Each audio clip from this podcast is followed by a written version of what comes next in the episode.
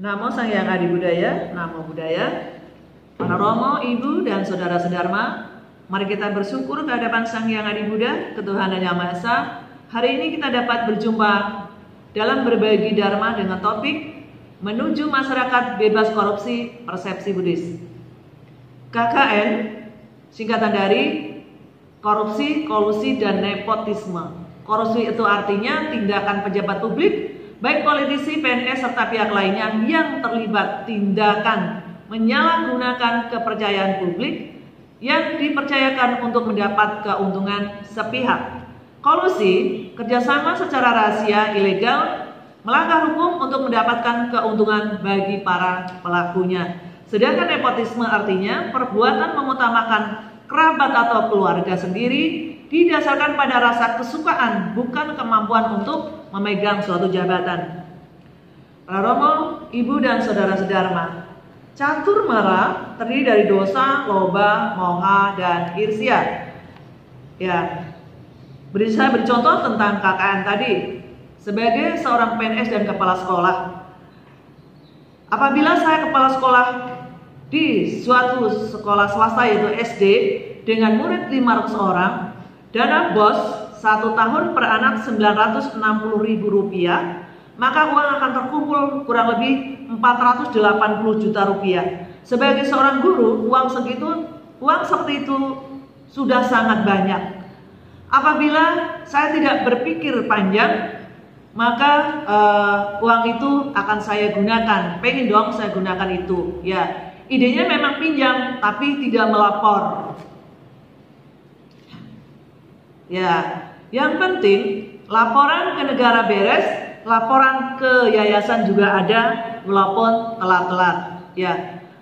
Nah, e, seiring dengan itu maka berpikir kepala saya untuk menggelembungkan budget atau anggaran, membuat kwitansi sendiri, stempel sendiri, bahkan nama toko juga saya buat sendiri. Satu, dua, tiga kali lewat. Berikutnya juga demikian. Hingga satu tahun uh, tidak terasa saya sudah keenakan menggunakan uang yang tidak sah itu tadi. Ya. Ketika suatu hari pengurus yayasan mengadakan rapat, terbongkarlah bahwa uang yang tidak masuk ke yayasan adalah uang yang saya pegang. Ya, maka uh, saya harus mempertanggungjawabkannya. Nah, apakah ini ada di organisasi Anda? Semoga tidak ya. Mengapa kepala sekolah berani? Tentu ada sebab uh, sebabnya. Antara adalah karena ada barang dan ada kesempatan. Maka loba berjalan di pikiran kita, lupa mana yang benar dan mana yang salah. Apakah mereka tidak tahu hiri dan tidak paham tentang otapa? Tahu, tapi itu tadi poha yang bekerja. Ya, apa itu hiri? Adalah malu berbuat jahat dan otapa takut akan akibat dari perbuatan jahat. Malu kepada siapa? Kepada diri sendiri. Takut kepada siapa? Juga kepada diri sendiri. Jangan, wah Tuhan marah akan menghukummu. Tapi yang paling dekat adalah malu dan takut kepada diri sendiri. Saudara, kita harus sayang terhadap karma baik yang selama ini kita buat. Ya, sungguh sulit untuk dapat terakhir sebagai manusia. Sungguh sulit untuk dapat hidup dan sungguh sulit untuk dapat mendengarkan dharma. Sungguh jarang terjadi kelahiran para Buddha. Ingat, hidup kita saat ini adalah untuk memperbaiki karma.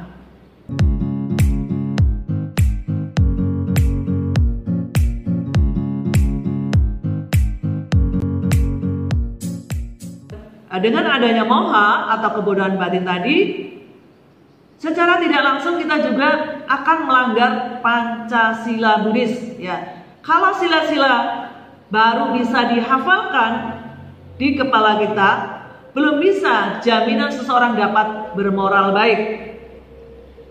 Berdana sudah, tapi kapan kita menjalankan sila-sila? Maka mari kita jalankan sila Praktekan dan latih dalam kehidupan sehari-hari. Kapan mempraktekannya? Antara adalah pada hari uposata, pada latihan pabaja, latihan vipassana bawana, Dan uh, kalau di Jawa itu ada menjelang Waisak, umat Buddha di sana melakukan atangga sila selama satu bulan. Sama dengan tetangga kita yang hari ini sedang puasa Ramadan.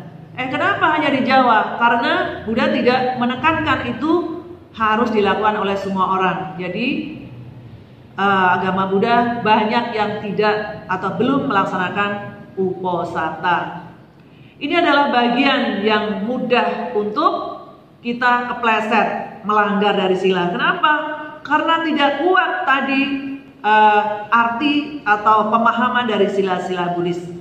Ya untuk itu mari kita coba bernyanyi dulu lagu Pancasila Buddhis. Lagu saya waktu di SD ya. Pancasila landasan Buddhis umat susila siswa sang Buddha dengan janji tidak membunuh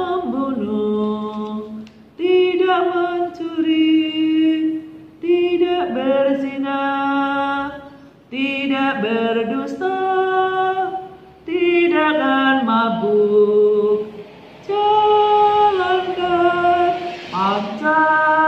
Pancasila. Jalankan Pancasila.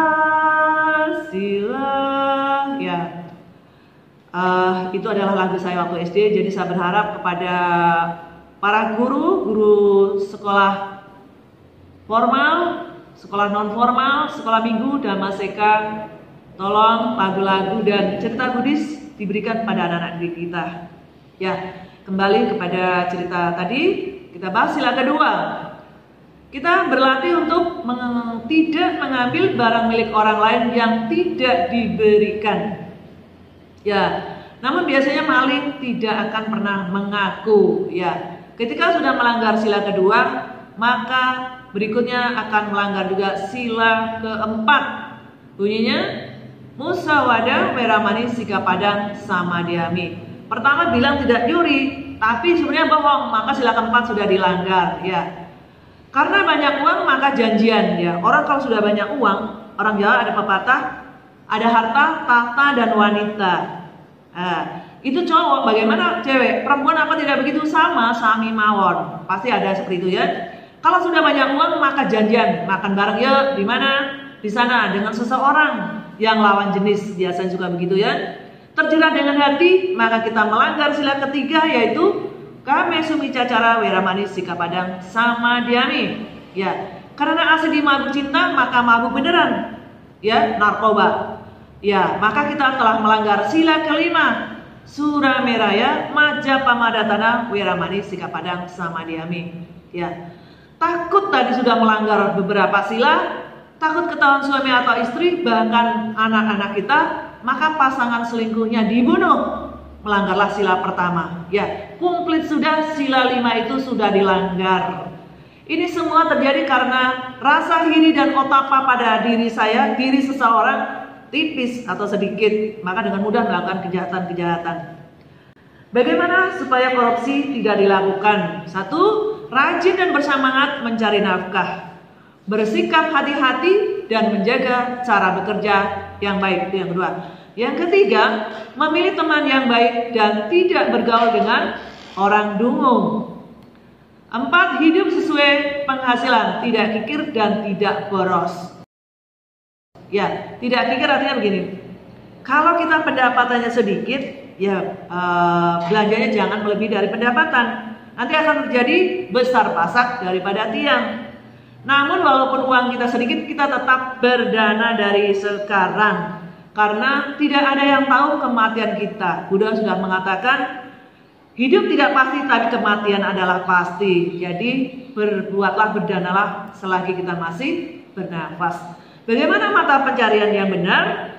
Yaitu tidak menipu, tidak membual, tidak memeras, tidak menggelapkan atau merampok. Ya, apakah ada akibatnya? Pasti ya. Uh, orang yang korupsi setelah sadar dia kan merasa bersalah. Kepada siapa rasa bersalah?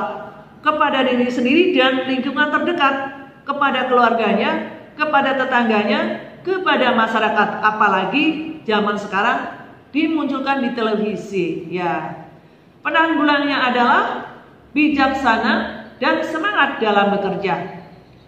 Membangun lingkungan yang kondusif dan bebas dari korupsi, termasuk korupsi waktu. Nah, ini hati-hati.